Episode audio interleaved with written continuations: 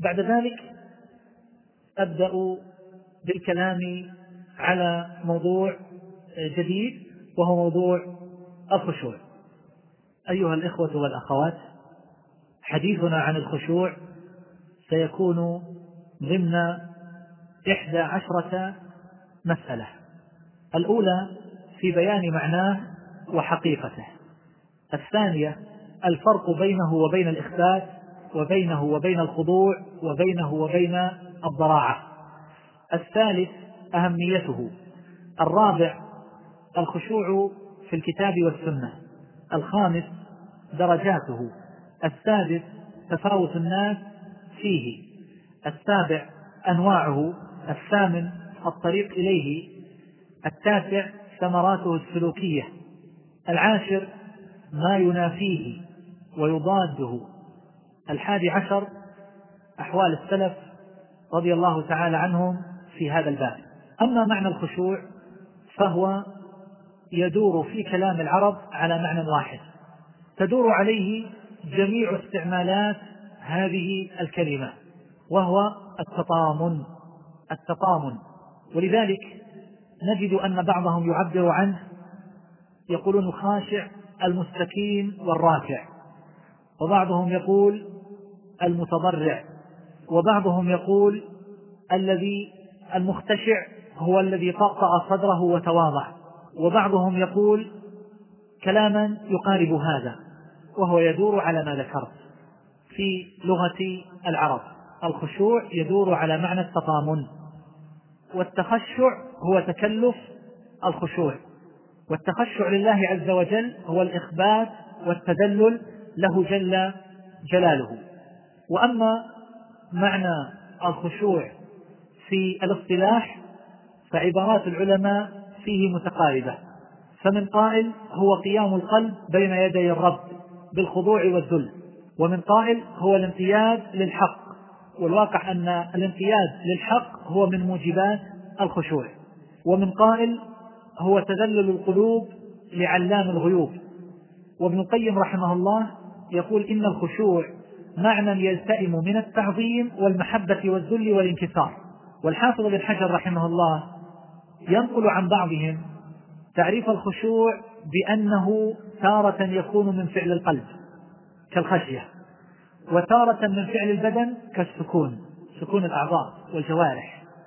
وقد قيل لا بد من اعتبار الأمرين حتى يكون ذلك من قبيل الخشوع المعتبر.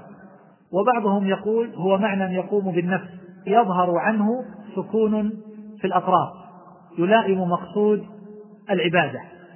وابن رجب له كلام جيد في بيان معناه يقول أصله لين القلب ورقته وسكونه وخضوعه وانكساره وحرقته فإذا خشع القلب تبعه خشوع جميع الجوارح والأعضاء لأنها تابعة له.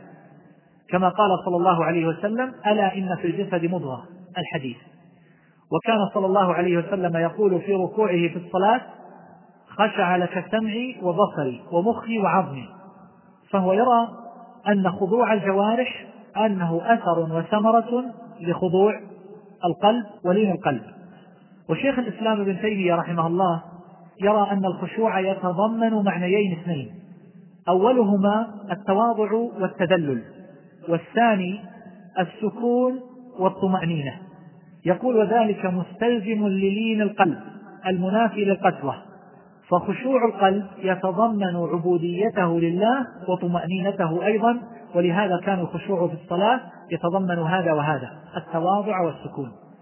فالشيخ الإسلام يرى أن لين القلب هو نتيجة وأثر ولازم من لوازم الخشوع وأن الخشوع هو التواضع والتذلل والسكون والطمأنينة. ولهذا جاء عن علي رضي الله تعالى عنه الخشوع في القلب أن تلين كنفك للرجل المسلم وألا تلتفت في الصلاة. وجاء عنه أن الخشوع في القلب وهكذا جاء عن إبراهيم النخعي أيضا وطائفة من السلف. وكان ابن سيرين يقول كانوا يقولون يعني في الخشوع لا يجاوز بصره مصلاه. وسئل الأوزاعي عنه عن الخشوع فقال غض البصر وخفض الجناح ولين القلب وهو الحزن والخوف.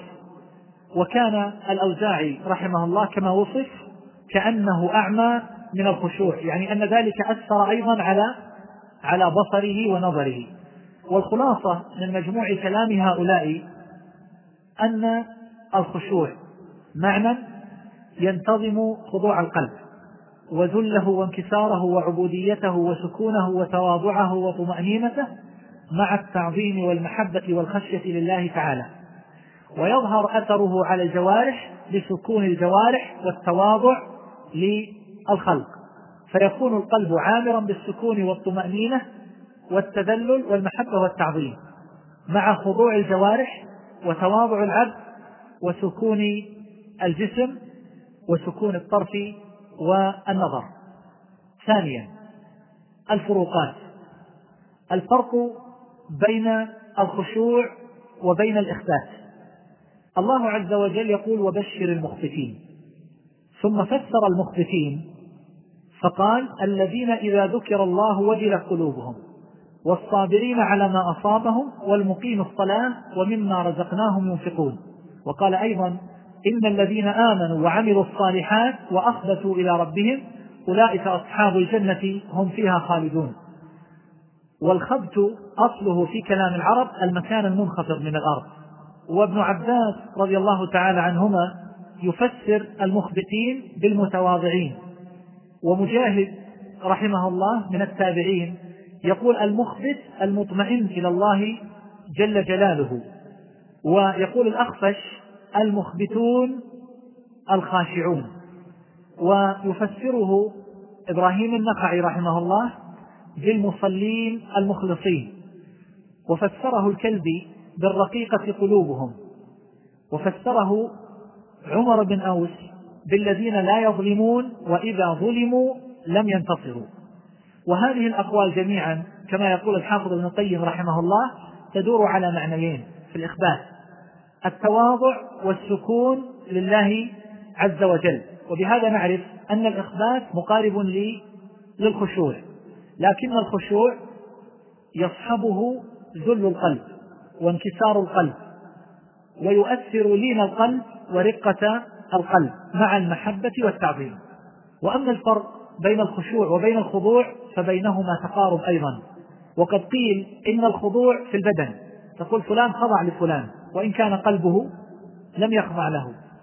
الخضوع في البدن وهو الإقرار بالاستخدام يستسلم لمن خضع له. وأما الخشوع فيكون في القلب والبدن والصوت والبصر يظهر ذلك على بصره وجوارحه. وأصل الخضوع هو الذل والانقياد. الذل والانقياد فإذا قيل خضوع القلب فهو ذل القلب. وإذا قيل خضوع البدن فهو انقياده واستسلامه واستخذاؤه وأما الفرق بين الخشوع وبين الضراعة فكذلك بينهما تقارب وقد قيل أكثر ما يستعمل الخشوع فيما يوجد على الجوارح في الظاهر وإن كان أيضا يرتبط بالقلب بلا شك. وأما الضراعة فأكثر ما تستعمل فيما يوجد في القلب. فلا يقال فلان ضارع ببدنه. أكثر ما يقال في خضوع القلب. وأصل الضراعة في كلام العرب هي الذل والخضوع. وقلنا إن الخضوع هو الذل والانقياد والضراعة هي الذل والخضوع. وبهذا تعرف أنها معان متقاربة. أما ما يتعلق بأهمية الخشوع ومنزلته فلا شك أنه في غاية الأهمية وأن من فقده فقد واجبا من واجبات الإيمان. ومما يدل على أهميته ومنزلته أنه واجب من واجبات الصلاة على قول طائفة من أهل العلم. ومن اختار هذا القول القرطبي صاحب التفسير وكذلك شيخ الإسلام ابن تيمية رحمه الله والحافظ ابن القيم وطائفة من السلف والخلف. وقد استدل شيخ الإسلام ابن تيمية رحمه الله على أن الخشوع واجب من واجبات الصلاة بأدلة متعددة. منها أن الله عز وجل قال واستعينوا بالصبر والصلاة وإنها لكبيرة إلا على الخاشعين يقول مبينا وجه هذا الاستدلال يقول وهذا يقتضي ذم غير الخاشعين وإنها لكبيرة إلا على الخاشعين فغير الخاشع تكون كبيرة عليه فمعنى ذلك أنه أنه مذموم. لأن الله عز وجل قال وما جعلنا القبلة التي كنت عليها إلا لنعلم من يتبع الرسول ممن ينقلب على عقبيه. وإن كانت لكبيرة يعني تحويل القبلة. لكبيرة إلا على الذين هدى الله. فهؤلاء الذين يكبر عليهم التحول من بيت المقدس إلى الكعبة هؤلاء فقدوا فقدوا أساسا وأمرا عظيما حيث إنهم خرجوا عن هذا الوصف وإنها لكبيرة إلا على الذين هدى الله. والله عز وجل يقول كبر على المشركين ما تدعوهم إليه. يقول شيخ الإسلام من مجموع هذه الآيات يقول دل كتاب الله عز وجل على أن من كبر عليه ما يحبه الله أنه مذموم بذلك أنه مذموم بذلك وأن ذلك مسخوط منه والذم أو السخط لا يكون إلا لترك واجب أو فعل محرم. يقول وإذا كان غير الخاشعين مذمومين دل ذلك على وجوب الخشوع. فمن المعلوم أن الخشوع المذكور في قوله تعالى وإنها لكبيرة إلا على الخاشعين لا بد أن يتضمن الخشوع في الصلاة. فإنه لو كان المراد الخشوع خارج الصلاة لفسد المعنى. إذ لو قيل إن الصلاة لكبيرة إلا على من خشع خارجها ولم يخشع فيها كان يقتضي أنها لا تكبر على من لم يخشع فيها وتكبر على من خشع فيها وقد انتفى مدلول الآية فثبت أن الخشوع واجب في الصلاة. هذا الدليل الأول. الدليل الثاني الذي استدل به رحمه الله وهو قوله تبارك وتعالى قد أفلح المؤمنون الذين هم في صلاتهم خاشعون والذين هم عن اللغو معرضون والذين هم للزكاة فاعلون إلى أن قال بعد أن سرد جملة من الأمور الواجبة إلى أن قال أولئك هم الوارثون الذين يرثون الفردوس هم فيها خالدون. يقول الشيخ الإسلام فأخبر سبحانه وتعالى أن هؤلاء هم الذين يرثون فردوس الجنة وذلك يقتضي أنه لا يرثها غيرهم.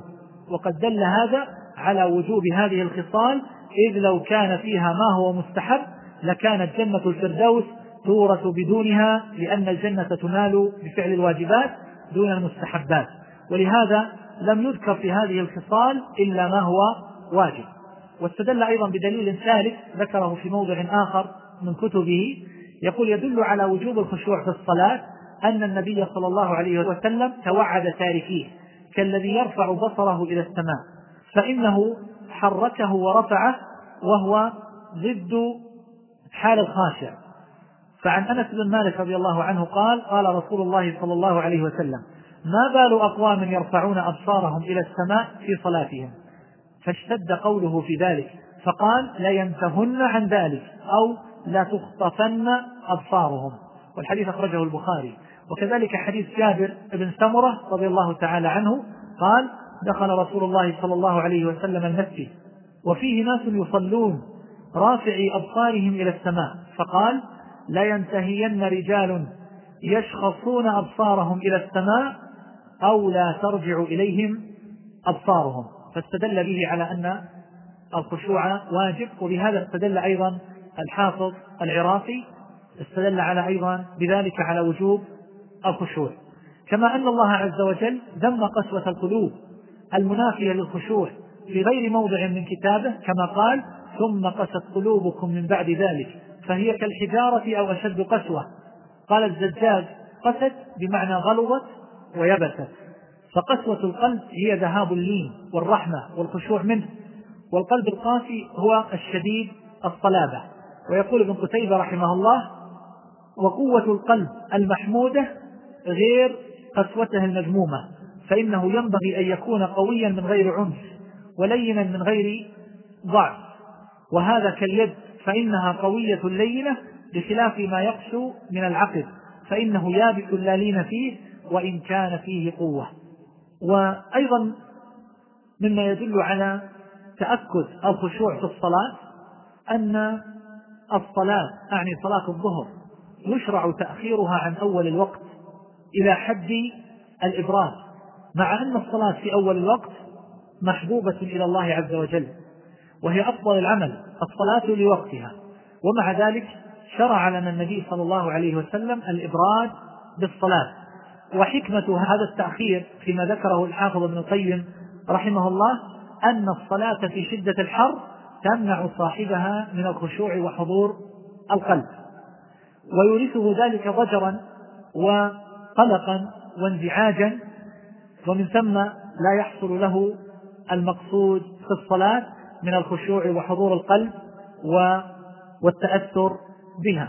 وأمر آخر مما يدل على أهمية الخشوع ومنزلة في الدين أن العبادة التي يصاحبها الخشوع تفضل العبادة التي لا خشوع فيها. وشتان بين اثنين أحدهما يصلي وهو خاشع والآخر يصلي وهو أبعد ما يكون عن الخشوع. يقول حسان بن عطية رحمه الله إن الرجلين لا يكونان في الصلاة الواحدة وإن بينهما في الفضل كما بين السماء والأرض. كما أن الخشوع أيضا هو أول ما يفقد من هذه الأمة كما قال حذيفة رضي الله تعالى عنه أول ما تفقدون من دينكم الخشوع وآخر ما تفقدون من دينكم الصلاة. ورب مصل لا خير فيه ويوشك أبو يزيد المدني. ومما يدل على أهميته أيضا أن الله استبطأ المؤمنين في تحقيق هذا الوصف. فقال ألم يأن للذين آمنوا أن تخشع قلوبهم لذكر الله وما نزل من الحق؟ يقول شيخ الإسلام تقي الدين بن تيمية رحمه الله فدعاهم إلى خشوع القلب لذكره وما نزل من كتابه. ونهاهم أن يكونوا كالذين طال عليهم الأمد فقست قلوبهم. وهؤلاء هم الذين إذا ذكر الله وجلت قلوبهم وإذا تليت عليهم آياته زادتهم إيمانا. وكذلك قال في الآية الأخرى الله نزل أحسن الحديث كتابا متشابها مثاني تقشعر منه جلود الذين يخشون ربهم ثم تلين جلودهم وقلوبهم إلى ذكر الله. يقول والذين يخشون ربهم هم الذين إذا ذكر الله تعالى وجلت قلوبهم. وقد قيل فخشوع القلب لذكر الله وما نزل من الحق واجب. وشيخ الإسلام يقرر يقرر ذلك ويؤيده. هذا ما يتعلق بأهمية الخشوع. وأما رابعا فالخشوع في الكتاب والسنة.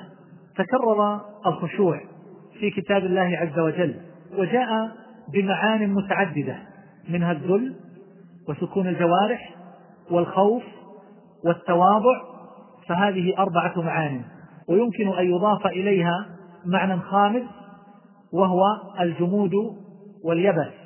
وأما المعنى الأول وهو مجيء الخشوع بمعنى الذل. فكما قال الله عز وجل وخشعت الأصوات للرحمن فلا تسمع إلا همسة أي دلت.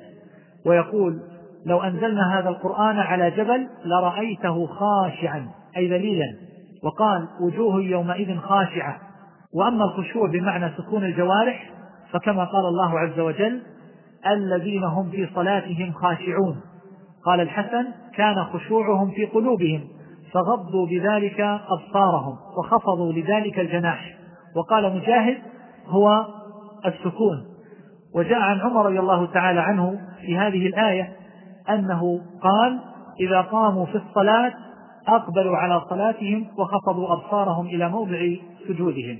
وعلموا أن الله يقبل عليهم فلا يلتفتون يمينا ولا شمالا. وقال ابن عباس في تفسيرها أي خائفون ساكنون. وبه قال طائفة من السلف كمجاهد والحسن وقتادة والزهري وإبراهيم النخعي. وجاء عن سعيد بن جبير رحمه الله تعالى قال يعني متواضعين لا يعرف من عن يمينه ولا من عن شماله ولا يلتفت من الخشوع لله عز وجل. هذا معنى من قام لله وقوموا لله خاشعين. من قام لله خاشعا فهو ساكن الجوارح منكسر القلب لا يرفع بصره ولا ينظر عن يمينه ولا ولا عن شماله. وقد ذكر شيخ الإسلام في عدد من كتبه هذه المعاني وذكر غيرها كقول الضحاك الخشوع هو الرهبة لله عز وجل يعني الخشوع هذا الذي ذكره الله جل جلاله. ونقل عن أبي سنان أنه قال في هذه الآية الخشوع في القلب وأن يلين كنفه للمرء المسلم وألا تلتفت في صلاته. ونقل عن قتادة قال الخشوع في القلب والخوف وغض البصر في الصلاة. يقول الشيخ الإسلام ابن تيمية رحمه الله في الكلام على قوله تعالى الذين هم في صلاتهم خاشعون. يقول ومنه خشوع البصر وخفضه وسكونه يعني أنه مضاد لتقليده في الجهاد كقوله تعالى فتول عنهم يوم يدعو الداعي إلى شيء نكر خش عن أبصارهم يخرجون من الأجداد كأنهم جراد منتشر. مهطعين إلى الداعي يقول الكافرون هذا يوم عسر. خش عن أبصارهم أي أنها ساكنة ذليلة. ثم ذكر الآية الأخرى وهي قوله تعالى يوم يخرجون من الأجداث سراعا كأنهم إلى نصب يوفضون. خاشعة أبصارهم ترهقهم ذلة ذلك اليوم الذي كانوا يوعدون. وفي القراءة الأخرى خاشعا أبصارهم. وفي هاتين الآيتين وصف أجسادهم بالحركة السريعة. لاحظ يقومون من قبورهم ويسرعون إلى محشرهم ولكنهم في حال من خشوع البصر. يقول وفي هاتين الآيتين وصف أجسادهم بالحركة السريعة حيث لم يصفوا بالخشوع إلا أبصارهم. بخلاف آية الصلاة وهي الذين هم في صلاتهم خاشعون فإنه وصف بالخشوع جملة المصلين يعني البصر والبدن. وصفهم بكليتهم أنهم حققوا الخشوع. فقال الذين هم في صلاتهم خاشعون وقال وإنها لكبيرة إلا على الخاشعين. ما قال إلا على الخاشعين في أبصارهم؟ بينما في المحشر قال خش عن أبصارهم مع أنهم يسرعون في مشيتهم. ويقول شيخ الإسلام ومن ذلك خشوع الأصوات كقوله وخشعت الأصوات للرحمن وهو انخفاضها وسكونها. ومما أيضا يدخل في هذا المعنى أعني السكون قوله تعالى وقوموا لله قانتين حيث قال مجاهد أي الركون والخشوع وغض البصر وخفض الصوت والرهبة لله عز وجل. والمعنى الثالث من معاني الخشوع في القرآن الخوف. كما قال قتادة الخشوع في القلب هو الخوف وغض البصر في الصلاة.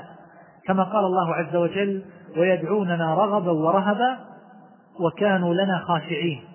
قال الحسن هو الخوف الدائم في القلب.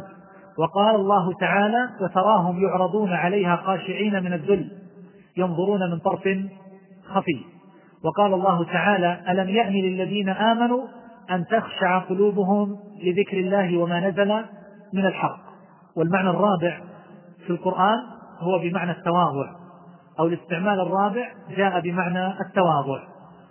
ومن ذلك قوله تعالى واستعينوا بالصبر والصلاة وإنها لكبيرة إلا على الخاشعين.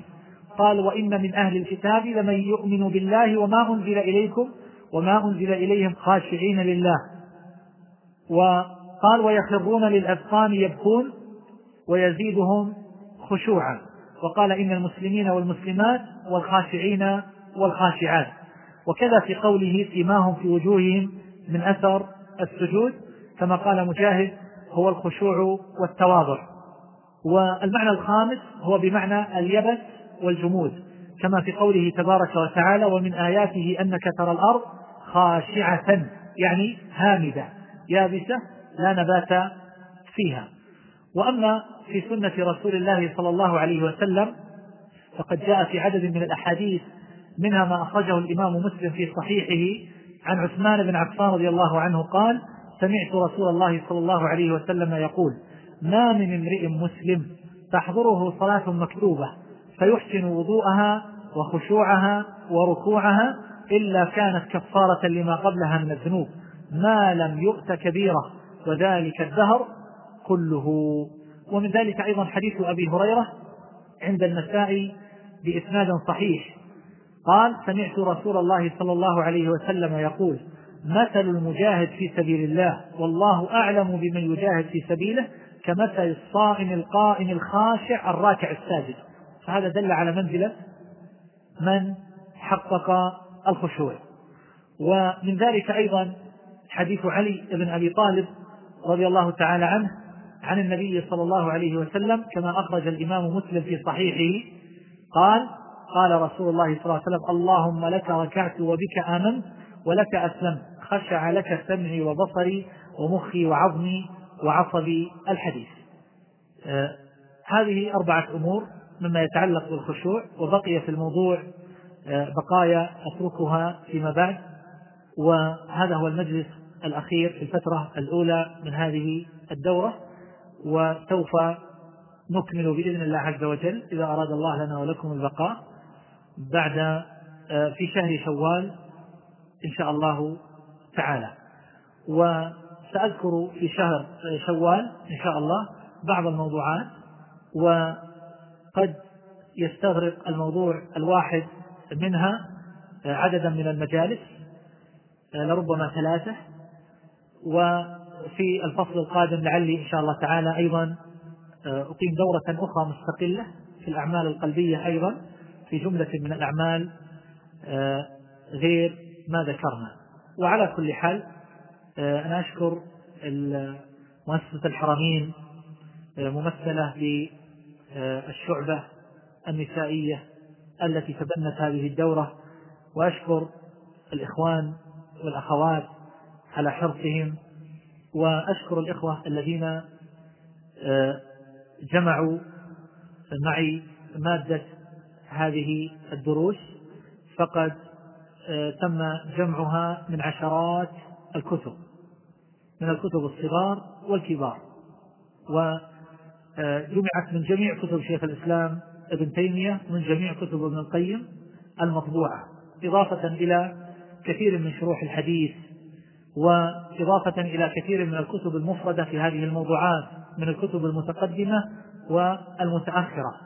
فأسأل الله عز وجل أن يثيب الإخوان الذين شاركوا في ذلك وأن يتقبل منا ومنهم.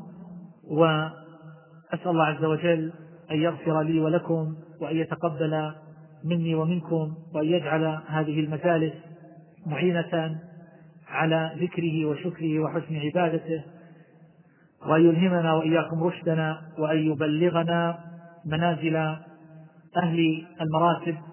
العالية من المؤمنين.